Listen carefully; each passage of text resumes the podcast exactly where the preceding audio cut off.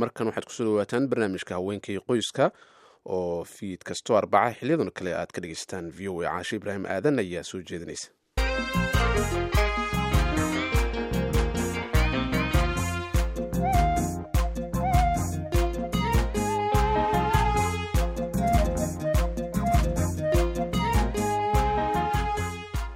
wanaagsan dhegaystayaal. Barnaamijka haweenka iyo qoyska ee toddobaadkan waxaanu ku eegaynaa haweenka soomaalida ah ee aasaasay goobaha loogu adeega bulshada ee ku yaalla gudaha dalkan maraykanka. Waxaanan si gaara uga hadlaynaa adeegyada ay fuliyaan iyo sida ay qoysaska soomaalida ah ay uga faa'iidaan adeegyadaas si ay aasaaseen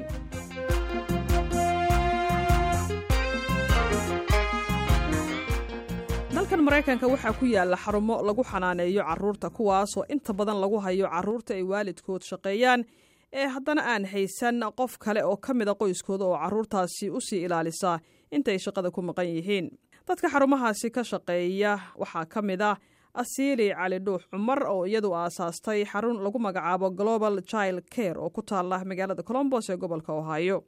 Xaruntan oo tobankii sane ee la soo dhaafay shaqaynaysay ayay asiili iga warantay waxa ku dhaliyey furitaankeeda. Meeshan communitygayga aada u jooga gabdhaha soomaaliyeed oo aada u keyfan oo u baahan inay laga caawiyo ilmahayntii rabana inay shaqaystaan. Waan ku caawinaa oon aragnay baahidii inay taagan tahay oo ilmihii in loo hayo marka gabadhu ama iskuol aadayso ama shaqo ay aadayso inay u baahan tahay dee second hand oo caawisa dee meeshii la dhihi jiray eeday kaala iihay iyo habaryare kaala iihayna ma ahan. Marka markaan baahidii arkay baan waxaa idhi alla ilahi communitygaaga aad bay ugu wanaagsan tahay inaad maaragtay u aas-aasto meel facility ah oo ilmaha oo xanaanada carruurta ah oo ilmahoodiina dad ay af garan hayaanna u hayaan. Dad ay maaragtay kuwa comfortable ay maaragtay ku qanacsan yihiin ay u hayaan. Sidaa awgeed baa igu kaliftay inaan u bilaabo shaqa abuurkiina kama maqnayno anigiina waa win win. Waa iyagiina waa ka benefit garaynayaan. Anigiina waa ka benefit garaynahayaan so waxa weeye waa biyo qabe iyo budo qabe waa isu baahan yihiin weeye xaalku. Carruurta lagu hayo xaruntan da'doodu waa ay kala duwan tahay. Waxaana ay da'doodu isugu jirtaa kuwo lix toddobaad uun dhallan ilaa iyo kuwo jira laba iyo toban sano. Sida ay da'doodu u kala weyn tahay ayaynu ugu baahan yihiin xanaano kala duwan. Waa tan mar kale asiili holo walbaba agekeeda requirementigaan marinaa markay noqoto waxbarashada markay noqoto maxaan ku dhahaa nutrition cuntada la siinhayo la nafaqaynayo markay noqoto maaragtay nabadgelyadooda markay noqoto nadaafadooda iyo caafimaadkooda iyo hygiinkooda intaas oo dhan bay kana helaan aan siinaana uguna dadaalaa inay maaragtay aan boqol kiiba boqol ay ka benefit gareeyaan waxay xaqa u lahaayeen.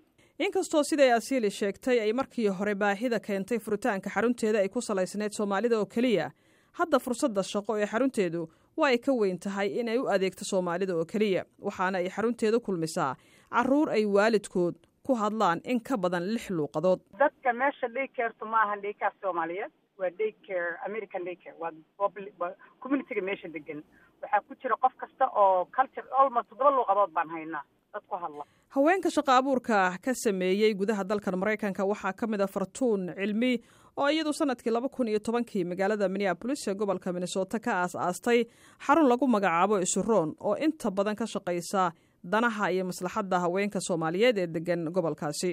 Isuroon waxyaaba ay qotaxbaa ugu horreeya waxaan sameynaa cilmi baaris cilmi baaristaas oo la shaqeyna haweenka soomaalida si aada u ogaano waxyaabaha ay u baahan yihiin oo hore u wadi kara.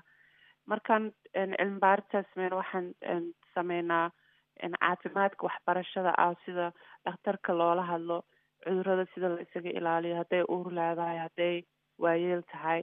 Waxaan kaloon sameynaa caafimaadiyada dadka qaxootiga oo soo galay aan tababar siinaa oon barnaa sida xuquuqdooda ay iskaga ilaaliyaan oo iskaga celiyaan midabka koorka waxaan sameynaa xuquuqda haweenkaan u doodnaa iyo soomaalida family waxaan la shaqeynaa aqalka hoose iyo aqalka dhexe iyo governmentkaan la shaqeynaa.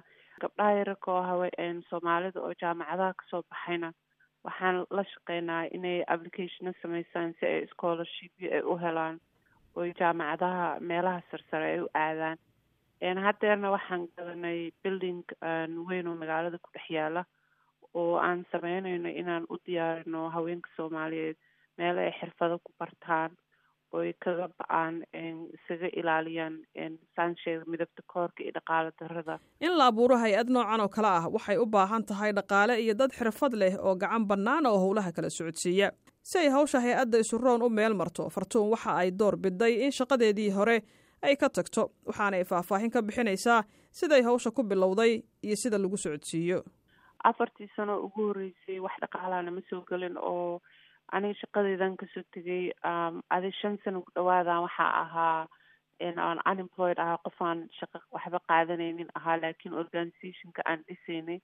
Hadda lacagaha waxay naga soo galaan federaal lacagana soo gasha waxa kaloo naga soo gala foundationadana wayna support gareeyaan.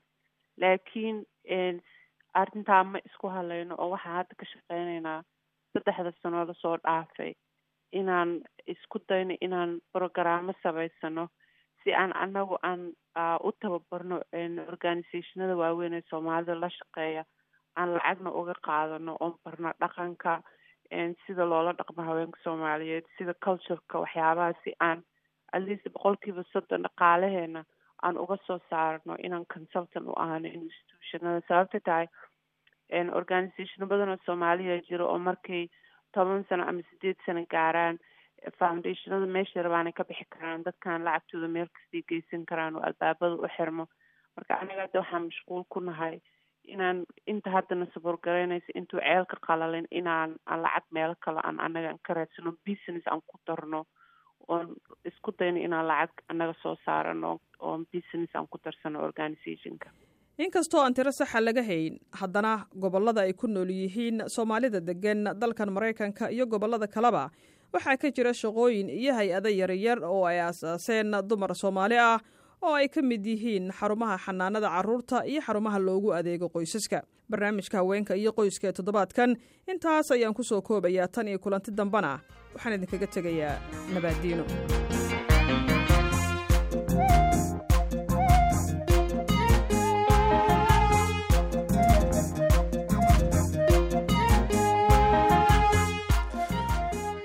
xaashi ibraahim ayaa barnaamijkaasi haweenkii qoyskan la socodsiinaysay halkaad ka dhegeysanaysanna waa v o a